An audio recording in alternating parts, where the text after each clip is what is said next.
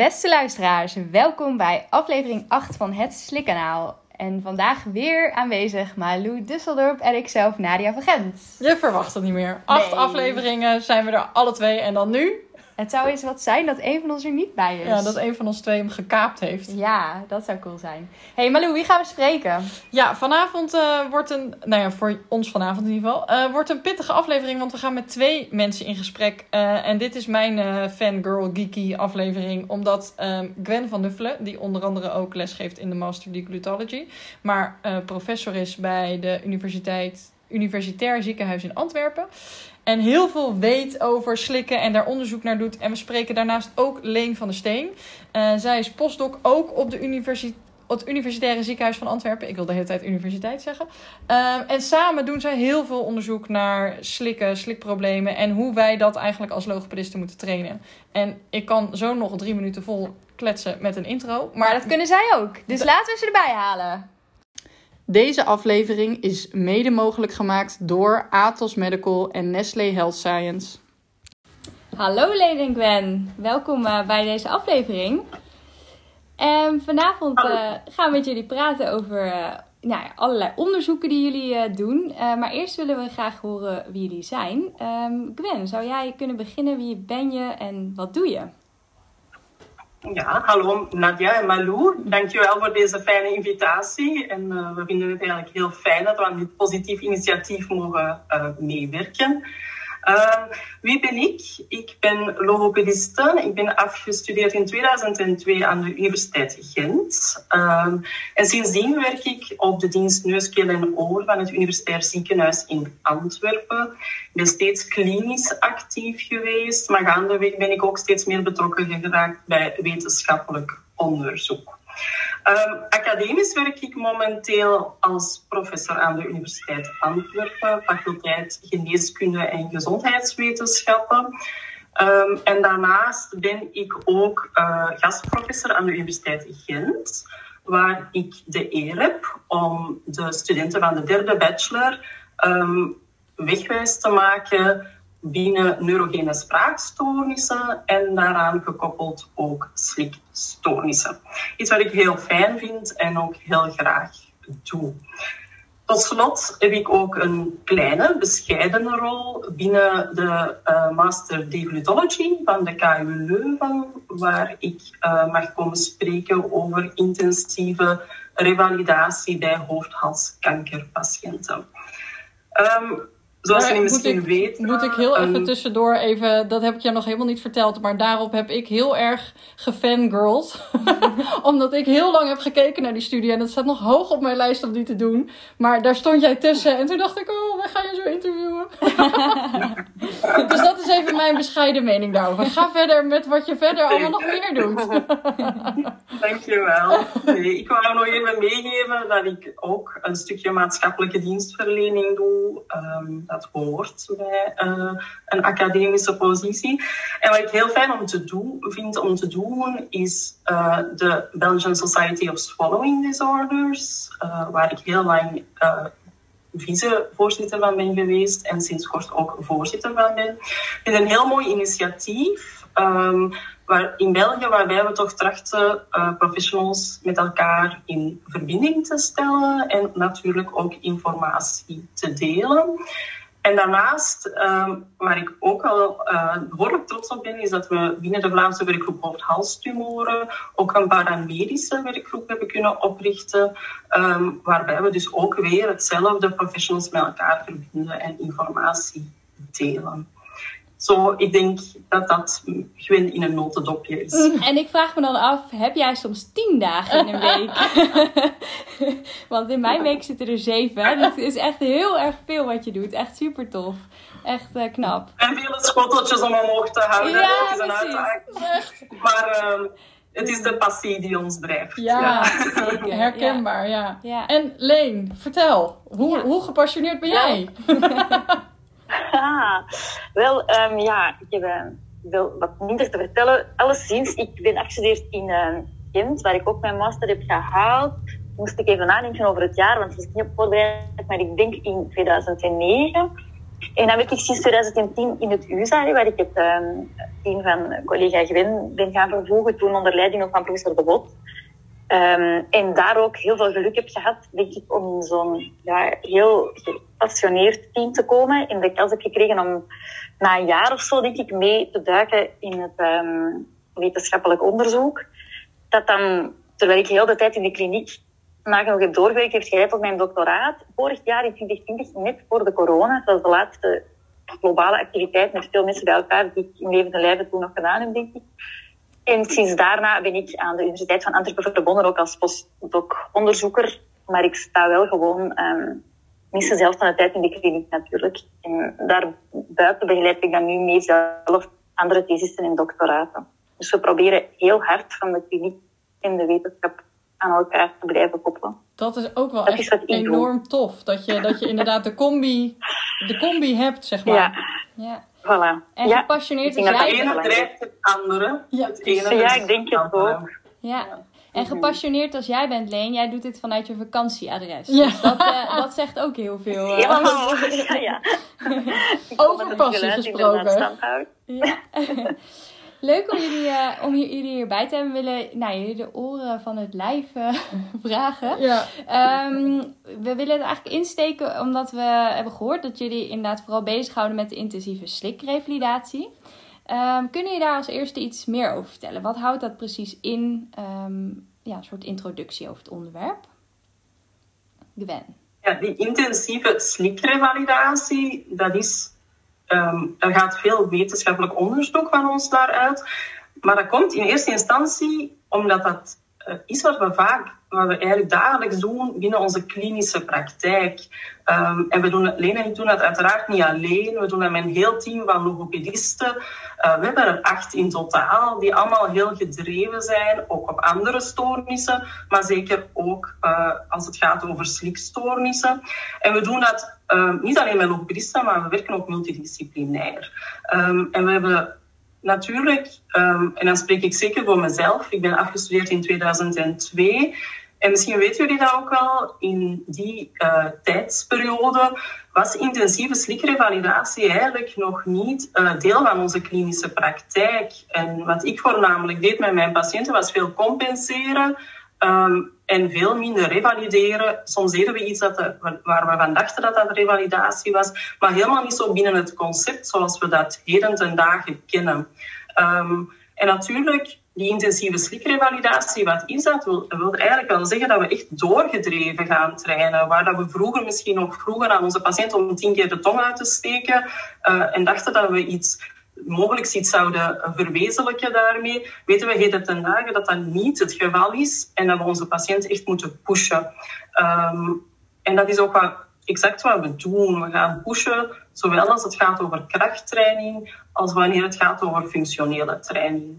En Deen heeft daar eigenlijk eh, mooi onderzoek naar gedaan, want het is één ding om ehm, intensief te gaan trainen, maar natuurlijk, onze patiënten zijn niet allemaal uh, Usain Bolt. Um, en de vraag is, hoe hard moeten we ze pushen? Het gaat over, vaak over oudere, zwakkere personen.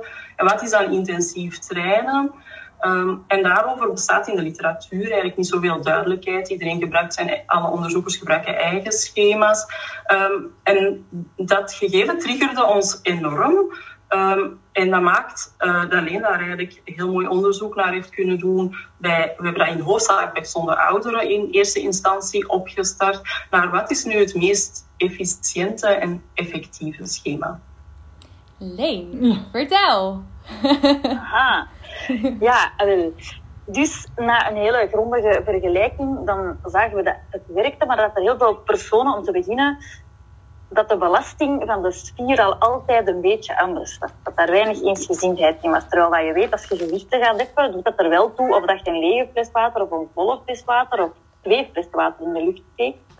Um, je bent ook bang, we zijn dan in de, um, in de, in de literatuur gaan kijken van de fysische revalidatie natuurlijk. En daar spreken ze dan bijvoorbeeld ook wat over overtraining. Dus we moesten toch eens gaan uitzien wat onze patiënten mochten vragen en konden vragen. Want we willen altijd heel efficiënt en effectief revalideren. We willen het beste. We willen ook dat het werkt. We willen ze vooral ook niet te veel laten doen en ook niet te weinig. Gezondheidszorg kost ook geld en onze agenda's liepen vol, dus het moest zo goed mogelijk. En dan zijn we gaan kijken dat er algemeen waren er mensen die aan 60% van hetgeen wat je maximaal kan doen qua kracht, aan 80% en aan 100% van je maximale kracht gaan trainen. En dan besloten we om die eens te gaan vergelijken. Dus we hebben een onderzoek gedaan, een gerandomiseerd, gecontroleerd onderzoek, waarbij we vier groepen, gezonde ouderen om te beginnen, um, vergeleken hebben. Waarvan één groep een controlegroep was. In plaats van tongkrachttraining lieten wij hen lipkrachttraining doen, omdat het toch nog altijd wel krachttraining is in de buurt van, dus niet op die gericht. En dan één groep die aan 60% van hun maximale weerstand trainde, één aan 80 en één aan maximaal, dus aan 100% van hun maximale weerstand. Wij lieten die acht weken oefenen, drie keer per week, nooit op volgende dagen. Dus idealiter maandag, dinsdag, vrijdag en het weekend rust. Maar goed, dat is uiteraard vrij in te vullen. Elke um, sessie doen we redelijk intensief. We laten de patiënten eigenlijk, of de personen die deelnemen, 120 keer met hun tong een, een duw uitvoeren. Um, waarbij dat ze eigenlijk dus aan die specifieke belasting moeten oefenen. 120 keer, waarvan 60 keer met het um, vooraan, dus 60 keer met de tongpunt duwen en 60 keer met de rug van de tong duwen. De ene dag starten dan vooraan en gaat dan naar 60 keer achteraan. En de keer daarna start je achteraan, begint je vooraan om toch die kracht zo goed mogelijk te verdelen. Um, we vinden het ook belangrijk als patiënten duwen, dat ze dat eventjes vasthouden, drie seconden en dan pas loslaten. En elke twee weken berekenen we opnieuw hoe dat de weerstand moest zijn. Want natuurlijk, door te trainen raakte vaak al wat sterker. Dus in plaats van acht weken op hetzelfde niveau te trainen, berekenen we elke week opnieuw wat dat ze maximaal kunnen. Dat, heet, dat noemen wij de one repetition max. Dus als je zegt, nu ga je zo hard duwen als dat je kunt, de waarde die je dan krijgt, en daarna hebben we dan telkens opnieuw of 60, of 80, of 100 procent van, of in het geval van de liepkracht dezelfde. Um, en dan hebben we dus na acht weken uh, trainen zijn we gestopt. En hebben we ook nog um, gekeken een tijdje verderop, na vier en acht weken, um, ja, hoe dat de, of er die training was, of ze de kracht verliezen. Um, en heel interessant en gelukkig voor ons bleek op zijn minst al dat er een groot significant verschil was tussen de controlegroep die liepkrachttraining deed en de groep die tongkrachttraining deed. Yes. Dat is al goed nieuws, want moesten die ja, met hun lippen toevallig ook verhogen in contrast, dan hadden we een ander probleem. Ja. Dus dat was al fijn.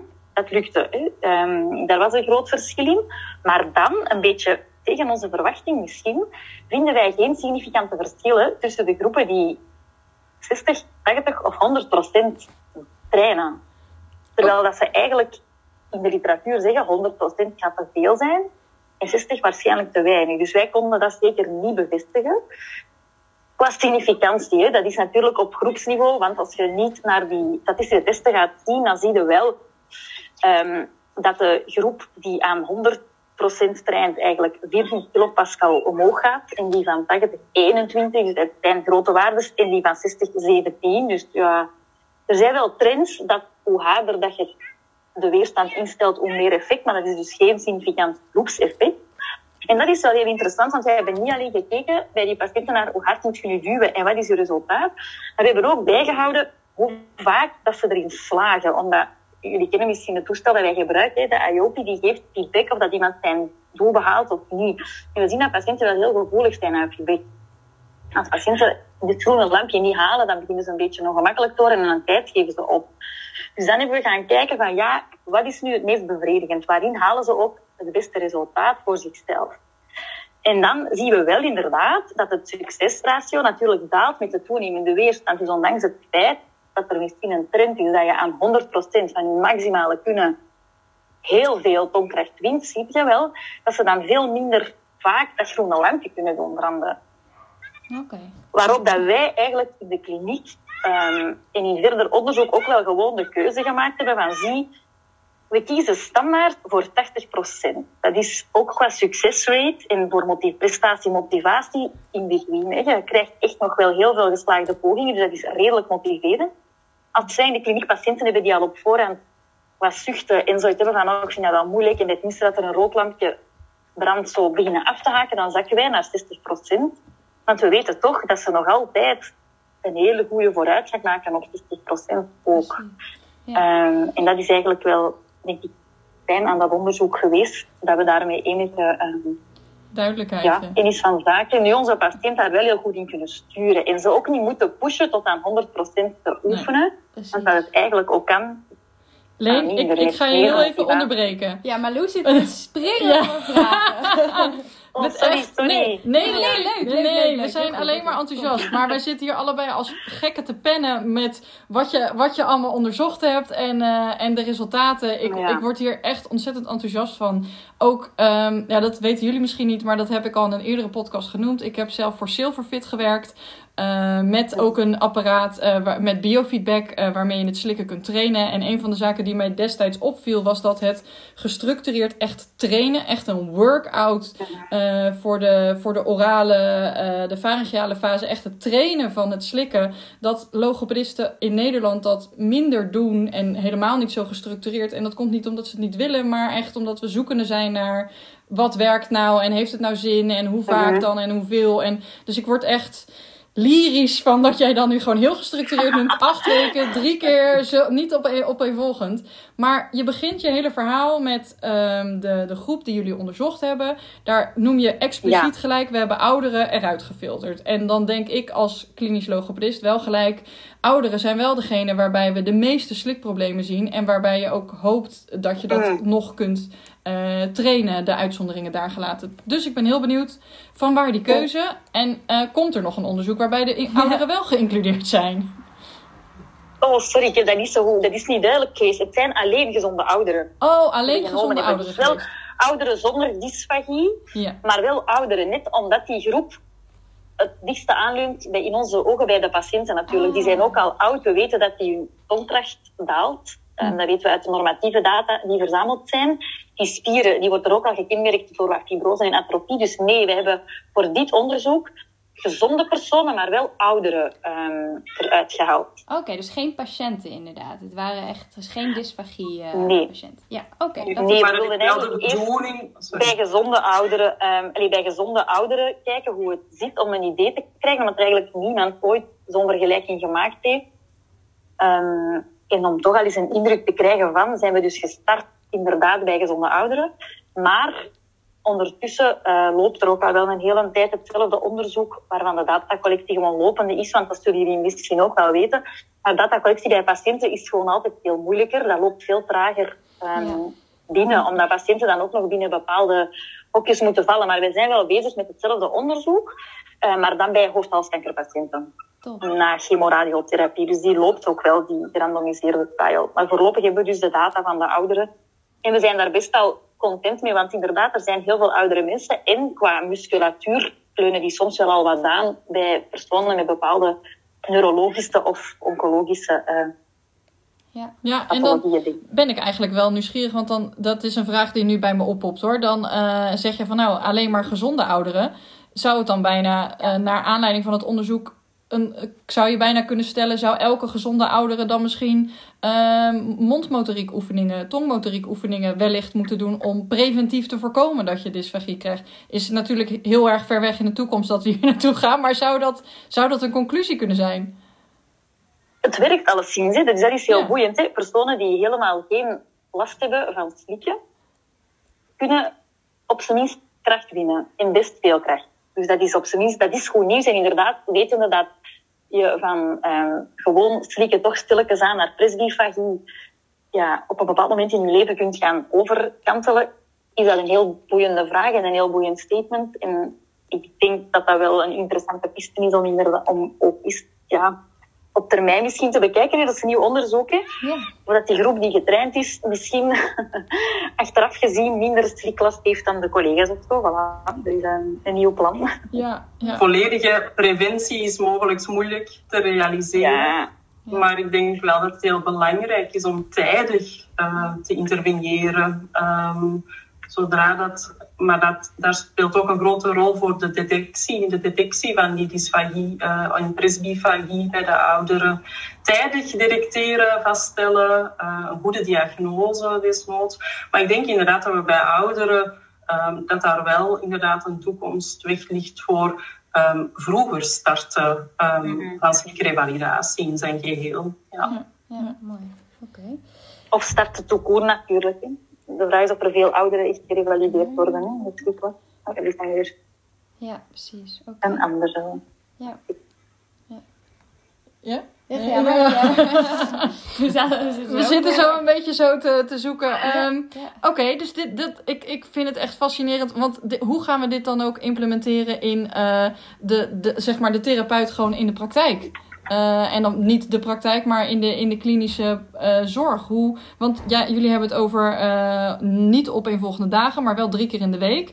Eén keer op een dag of Mhm. meerdere malen op een dag. Wat, wanneer, wanneer is het zinvol? Hebben jullie daar ook dan nog in geschaald? Of hebben jullie alleen geschaald in die 60, 80 en 100 procent?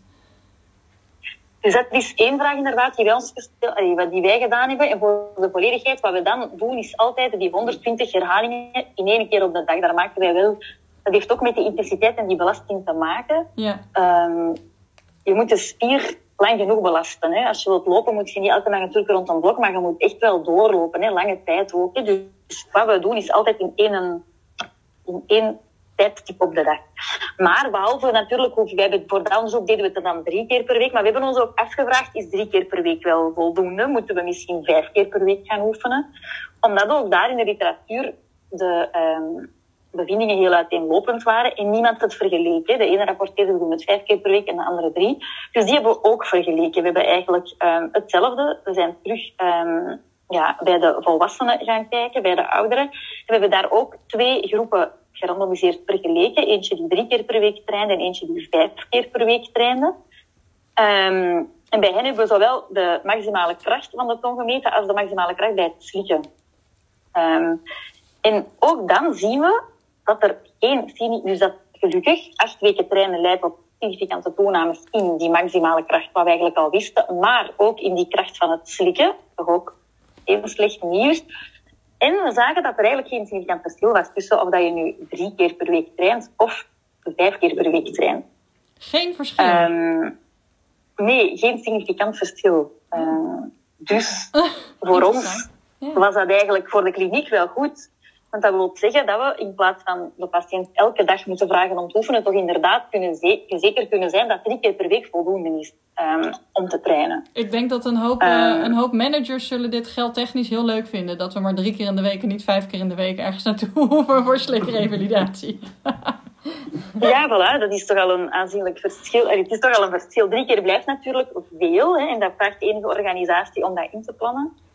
Ehm, bij ons in de kliniek doen we dat heel concreet. Ofwel komt iemand gewoon drie keer per week, wie daar vlakbij woont en mobiel is, kan dat wel. En anders ehm, zorgen wij bijvoorbeeld dat hij eh, een toestel kan uitlenen en dan toch wekelijks komt of zo. Hè. Maar we staan er wel op dat hij die een aantal keren oefent. Dat wel. Want Dus, eh, ik heb nog een Drie keer vraag. per week moeten wel getraind worden, ja. Ik hoor je zeggen, drie keer, wij passen het drie keer per week toe. Maar pa- passen jullie dus echt het ook al toe? De, re- de revalidatie hiervan? De intensieve, ja? Absoluut. Ja, Ja, absoluut. daar zijn we eigenlijk door begonnen. Hè. We deden het eigenlijk al langer in de kliniek. We deden het al veel langer, maar ook misschien wat variërend in schema's enzovoort. Ja. En het is met dat we deden in het ziekenhuis, letterlijk, dat we dachten, oh, dat werkt hier precies wel. Ja. Hoe komt dat dan? Op, op hoe moeten we het dan optimaal? Moeten we ze dan elke dag zien? Allee, hoe vaak moeten we die mensen laten zien en hoe hard moeten we die laten werken? hè? Dat waren de concrete vragen, maar we deden het wel. Dus we wisten dat het kon en kan. Ja, en, en dan bij alle, sorry, bij alle patiënten, doelgroepen? Of is het dan gefilterd in hoofd, hals eh, alleen? Of ook neurologie? Nee?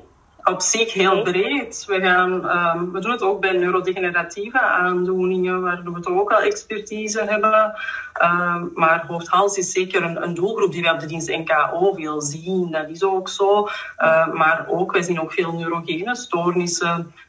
En ook bij die patiënten eh, passen we toe. Er is eigenlijk de, enigste, de belangrijkste indicatie voor tongkrachttraining is op zich ehm, residu ter hoogte van de vallicula en de tongbasis. Ehm, en natuurlijk aspiratie en penetratie, waar het ook ehm, van aangetoond is dat tongkrachttraining daar een positief effect op heeft. Ehm, dus indien het geïndiceerd is, ehm, de patiënt gemotiveerd is, want dat is wel nodig voor kort en intensief. Op zich is het niet super lang. Op acht weken tijd kan je echt een significant verschil maken, dus het is niet super lang. dus indien dat de patiënt ook gemotiveerd is en we een indicatie zien, ehm, ja, dan gaan wij ervoor. Ja. Mooi, ja, oké. En dat, dan middels de, ik hoorde het al even de naam genoemd, maar de IOPI, uh, zeg maar, de, dat is een um, meetmiddel. Uh, of doen jullie ook dan met spatels en dergelijke?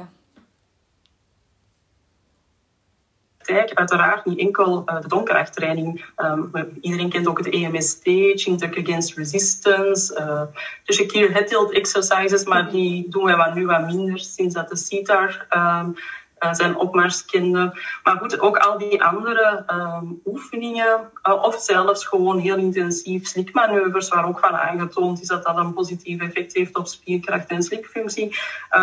Al die zaken kan je in een intensief trainingsschema steken. Ja. Um, en dat doen wij gewoon en, met ons, uh, ons, heel ons uh, klinisch team. Dus dat is, um, en dat is heel fijn. Heel veel patiënten vinden dat gewoon super fijn. Ja. hoe, hoe um, meten jullie dan progressie door middel van de IOPI?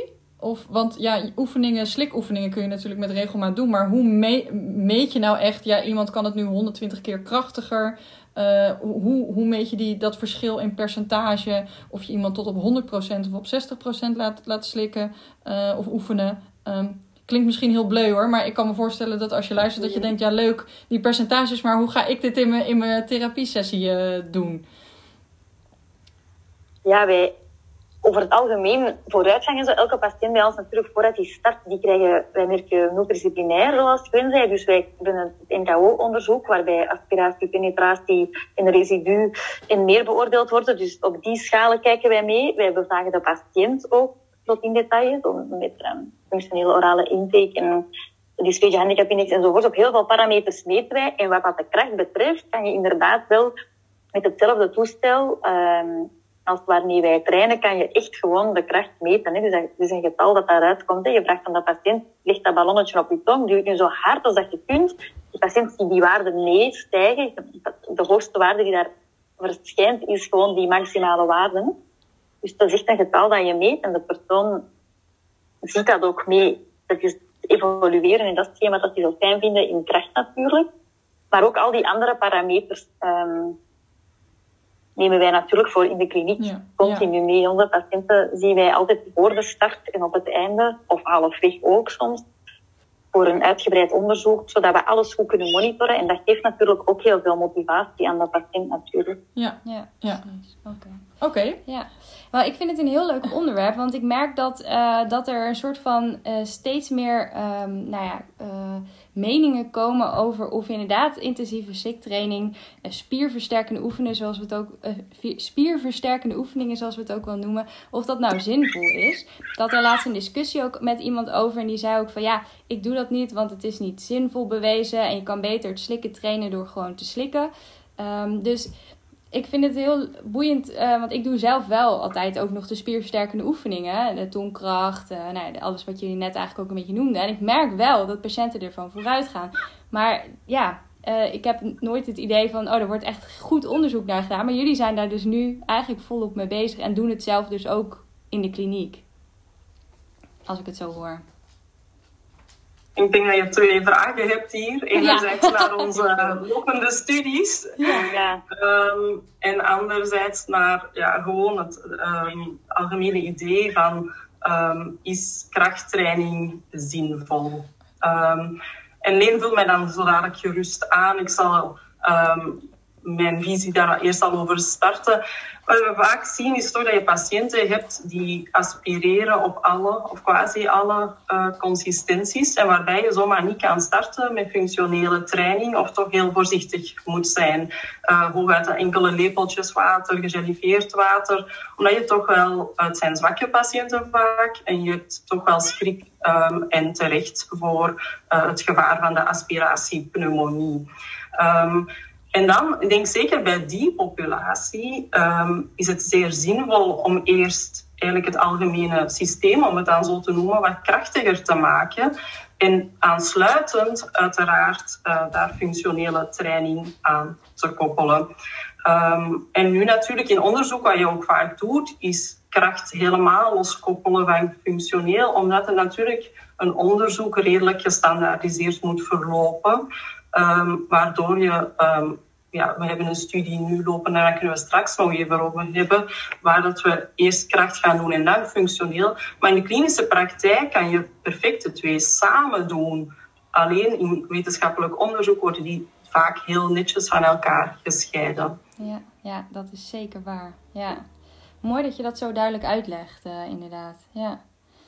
Oké. Ja, je zei al net, je gaat het misschien daar straks over hebben. Oh, dan doel je denk ik op het onderzoek uh, over de MS. En, en ook, nou ja, er zijn nog veel meer onderzoeken uh, waar, waar we het over willen hebben. Alleen we zien dat we al tegen de tijd aan zitten. Marloes zit ook met haar prangende echt, redden we het allemaal nog? Ik wil nog zoveel vragen. Ja. Maar we willen in ieder geval denk ik toch nog wat over het onderzoek bij MS. Waar, waar jullie ook onderzoek naar gedaan hebben. En het sliktrainen daarin. Daar, daar zouden we, daar wil ik ik in ieder geval heel graag nog wat meer over weten, aangezien ik ook uh, uh, MS-patiënten in mijn poli zie. Um, want die intensieve slikrevalidatie, is dat iets wat, je de, wat jullie dus ook op die manier kunnen onderzoeken bij, of hebben onderzocht bij MS-patiënten? Ja, we hebben een studie inderdaad gedaan bij patiënten met multiple sclerose. Um, we hebben dat gedaan vanuit het USA, maar we hebben dat absoluut niet alleen gedaan. We hebben dat samen gedaan met de partners, um, het Nationaal MS-centrum in Melsbroek uit België. En dan ook uh, destijds uh, noemde het Revalidatie en MS-centrum Overpelt. En ondertussen noemt dat centrum Noorderhart... Um, revalidatie- en MS-centrum, denk ik, als ik het juist heb. En anders wil ik mij daarvoor een beetje excuseren. Uh, maar in ieder geval, we hebben dat dus niet alleen gedaan. Uh, we hebben dat uh, in samenwerking met de collega's gedaan. En ook de collega's van UZ Gent waren daarbij betrokken. Die studie die was gesponsord door, en dat is een hele mond vol, dus ik moet toch even kijken, maar het Fonds Claire Fauconnier, Gisalet en het AW-fonds. En dat ging via de Koning Boudewijn Stichting. We hadden daar inderdaad een budget binnengehaald om een studie te doen, een gerandomiseerde studie bij, die, uh, bij personen met MS naar uh, het effect, om te kijken wat is nu het effect van intensieve uh, krachttraining eigenlijk. We hadden ons toen beperkt tot krachttraining. Nu, um, op zich is er eigenlijk heel weinig um, onderzoek naar uh, het effect van therapie voor dysfagie bij personen met multiple sclerose. Um, algemeen is er eigenlijk ook gewoon toekoer weinig onderzoek naar dysfagie bij MS. Um, waar we wel een boost zien, denk ik, de afgelopen vijf jaar. Um, het is echt wel meer in de aandacht gekomen, onder de aandacht gekomen. En we zien daar toch wel wat vooruitgang. Uh, en onder andere jullie collega, Nederlandse collega Leonie Ruhaak, uh, met de ontwikkeling van de DIMUS. Maar ook eigenlijk alle collega's die in het RIMS zitten, uh, rehabilitation, um, ik weet, um, in, ik denk, ik denk dat het rehabilitation in multiple sclerose is. Dat is een netwerk van collega's die daar toch ook wel veel uh, onderzoek naar doen en ook proberen expertise met elkaar te delen. Dus we zien daar wel een vooruitgang. Maar als we kijken echt naar wat uh, weten we daar nu over? Wel, wat weten we? we weten wel dat die kenmerken van dysfagie bij multiple sclerose, dat die redelijk gelijk lopen met de kenmerken die je ook ziet in andere populaties. Dat wil zeggen, er is een stoornis als het gaat over orofaringale dysfagie, zowel in de orale als in de faringale fase. Er is probleem met bolustransport, er is probleem met larynxelevatie, er is probleem met sensoriek. Dus ook residu, aspiratie, al die zaken komen terug. Dat zijn eigenlijk de vertrouwde kenmerken die je ook ziet bij andere populaties. Nu, wat blijkt daaruit? Is dat die patiënten zowel problemen hebben met sensibiliteit, als met de beweging van de structuren betrokken bij het slikken, als met spierkracht. Dus ook spierkracht in algemeen bij multiple sclerose is toch wel aangetast. Um, en dat geeft dus dat er wel een enige evidentie is om, op een onderliggende rationale, om te gaan kijken of krachttraining toch ook een positief effect heeft bij die populatie. We hebben ook een onderzoek gedaan. Eigenlijk, er is nog niet zoveel geweten, wel op basis van de, de FIS, de SLIC-video en het klinisch diagnostisch onderzoek over die kenmerken van dysfagie. Maar als het dan effectief gaat over krachtmetingen, die zijn ook quasi nog niet gebeurd in het uh, hoofd-halsgebied bij de personen met multiple sclerose. En eigenlijk de studie, die dus de effectiviteitsstudie voorafgaat, is een studie um, eigenlijk op initiatief van Eline Verbeke binnen het uh, postgraduaat dysfagie. En ze heeft dat dan samen uitgevoerd met Karen van Leuven. Uh, en ook uitgevoerd met dezelfde partners die ik daar juist aanhaalde. Dus het uh, MS-centrum van Melsbroek en van, uh, van Overpelt.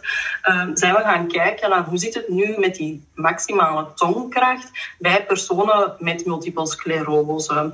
Um, is, is dat inderdaad verlaagd ten opzichte van een controlegroep. En we vonden effectief dat die maximale tongkracht, zowel anterieur als posterieur, effectief lager is uh, bij personen met multiple sclerose. En ze hadden een proefgroep, houd u vast, van 145 patiënten.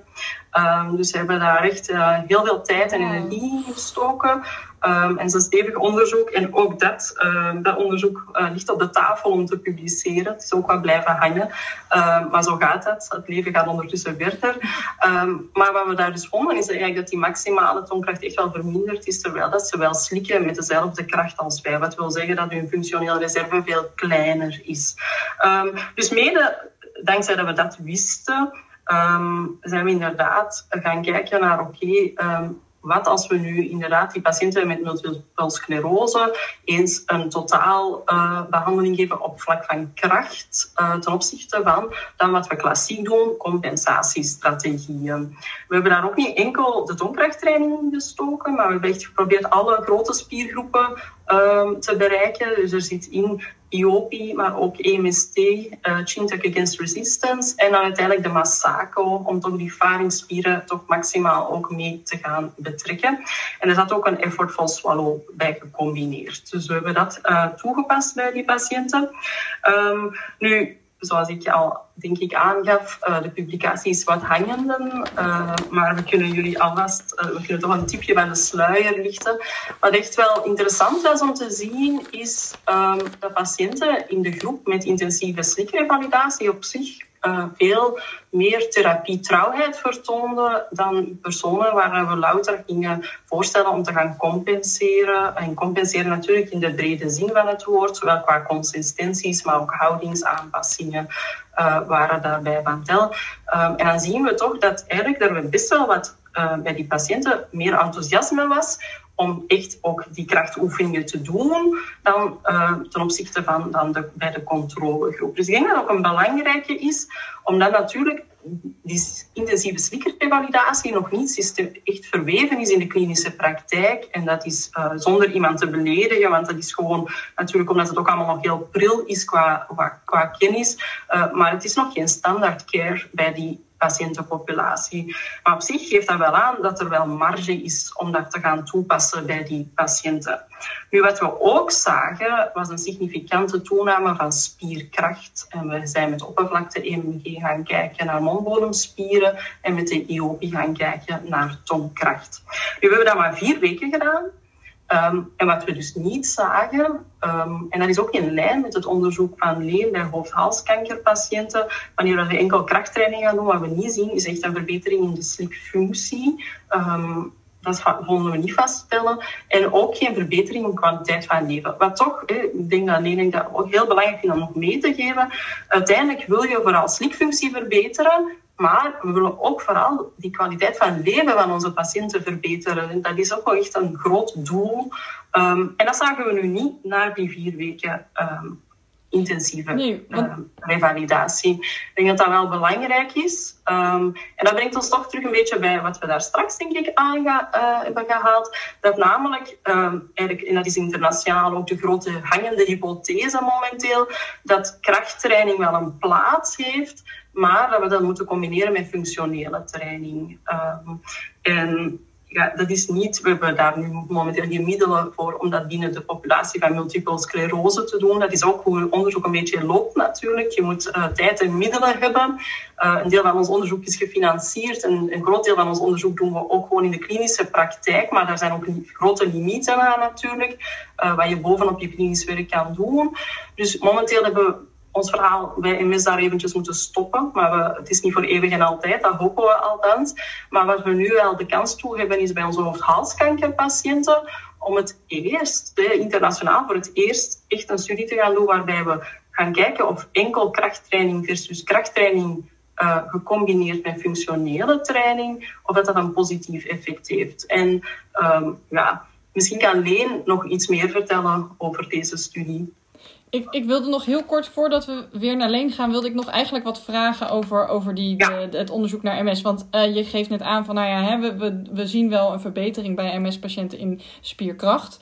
Maar niet per se in het verbeteren van de slikfunctie of kwaliteit van leven. En ik als praktisch uh, therapeut denk dan toch, ja, als ik dan die MS-patiënt tegenover mij heb zitten ben ik misschien toch soms te conservatief in mijn sliktraining met de gedachte: ja, ik kan jou nu wel oefeningen meegeven, maar dan ben je misschien straks dusdanig vermoeid uh, dat je je daadwerkelijke maaltijd niet meer veilig of prettig kunt eten, omdat ik intensief met je geoefend heb.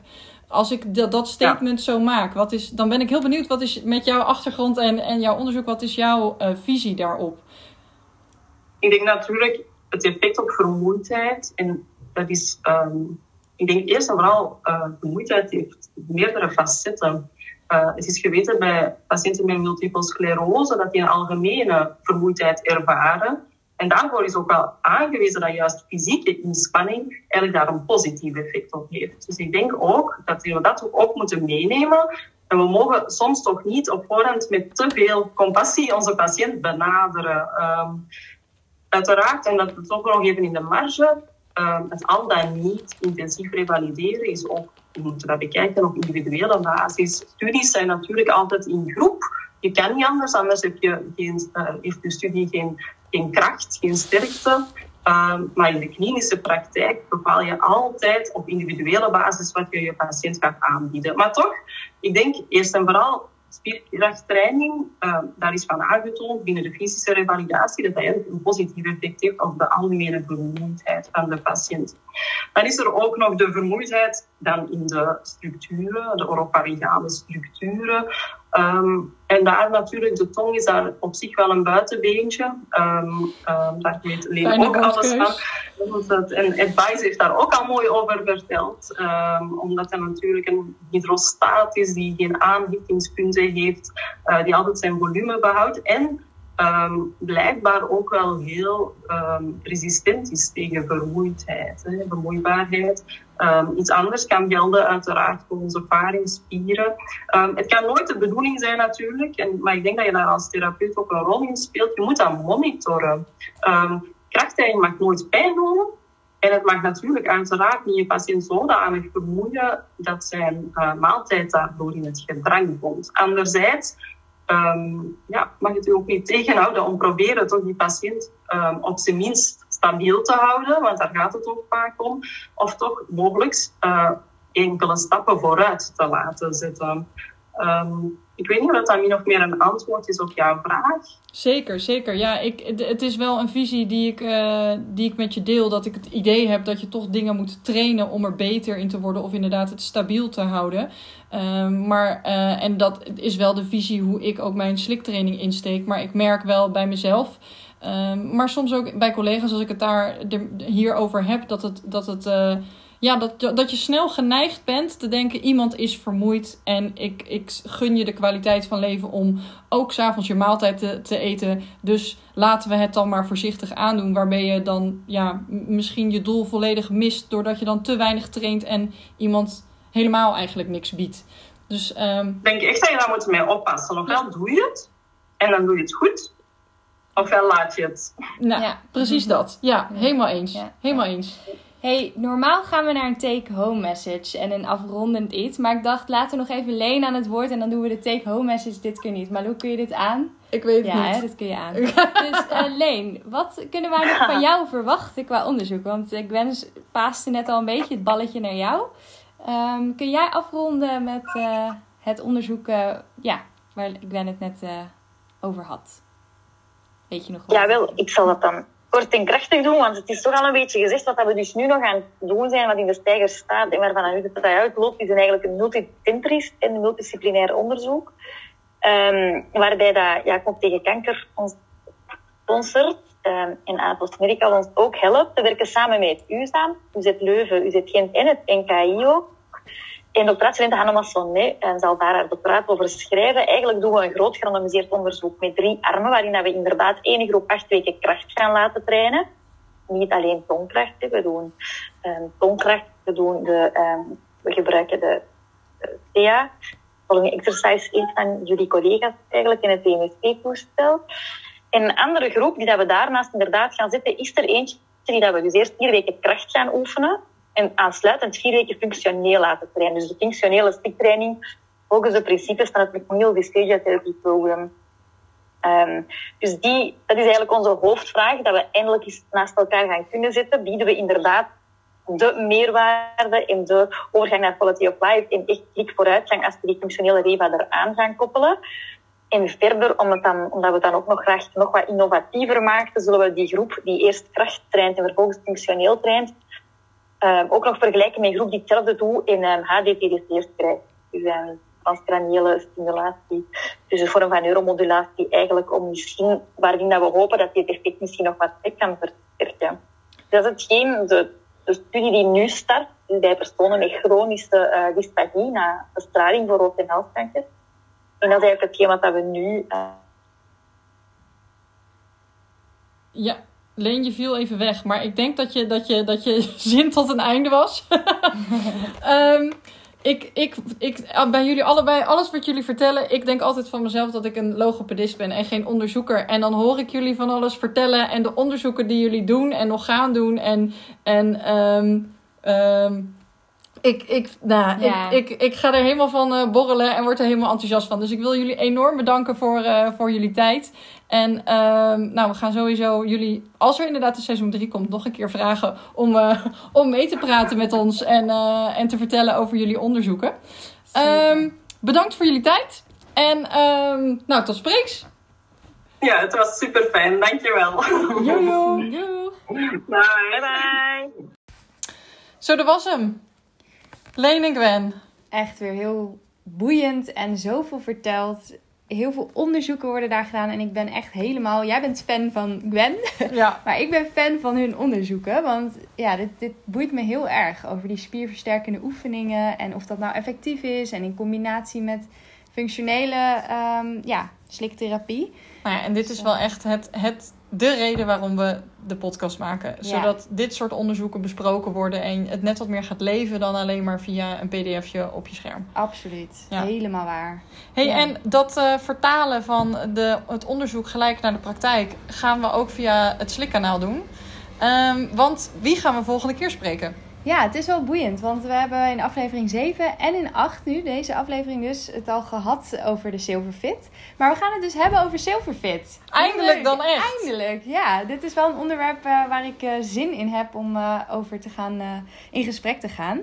En wat, dat gaan we doen met Joris en Manouk. En Joris is de CEO van Silverfit en Manouk is een logopedist die ja, werkt met de Silverfit in, Silverfit in het verpleeghuis waar zij werkt. Ja, ja, ik, uh, nou ja, ik ken het product natuurlijk al, maar ik vind het heel leuk om jou zo enthousiast erover te zien. En uh, jouw nieuwsgierigheid herken ik van toen ik voor het eerst met het product in aanraking kwam. Dus het is leuk voor mij om erbij te zitten en, en ja, dat gesprek een beetje te, te leiden. Helemaal goed. Gaan we er over twee weken meer over horen. Jojo! Deze aflevering is mede mogelijk gemaakt door Atos Medical en Nestlé Health Science.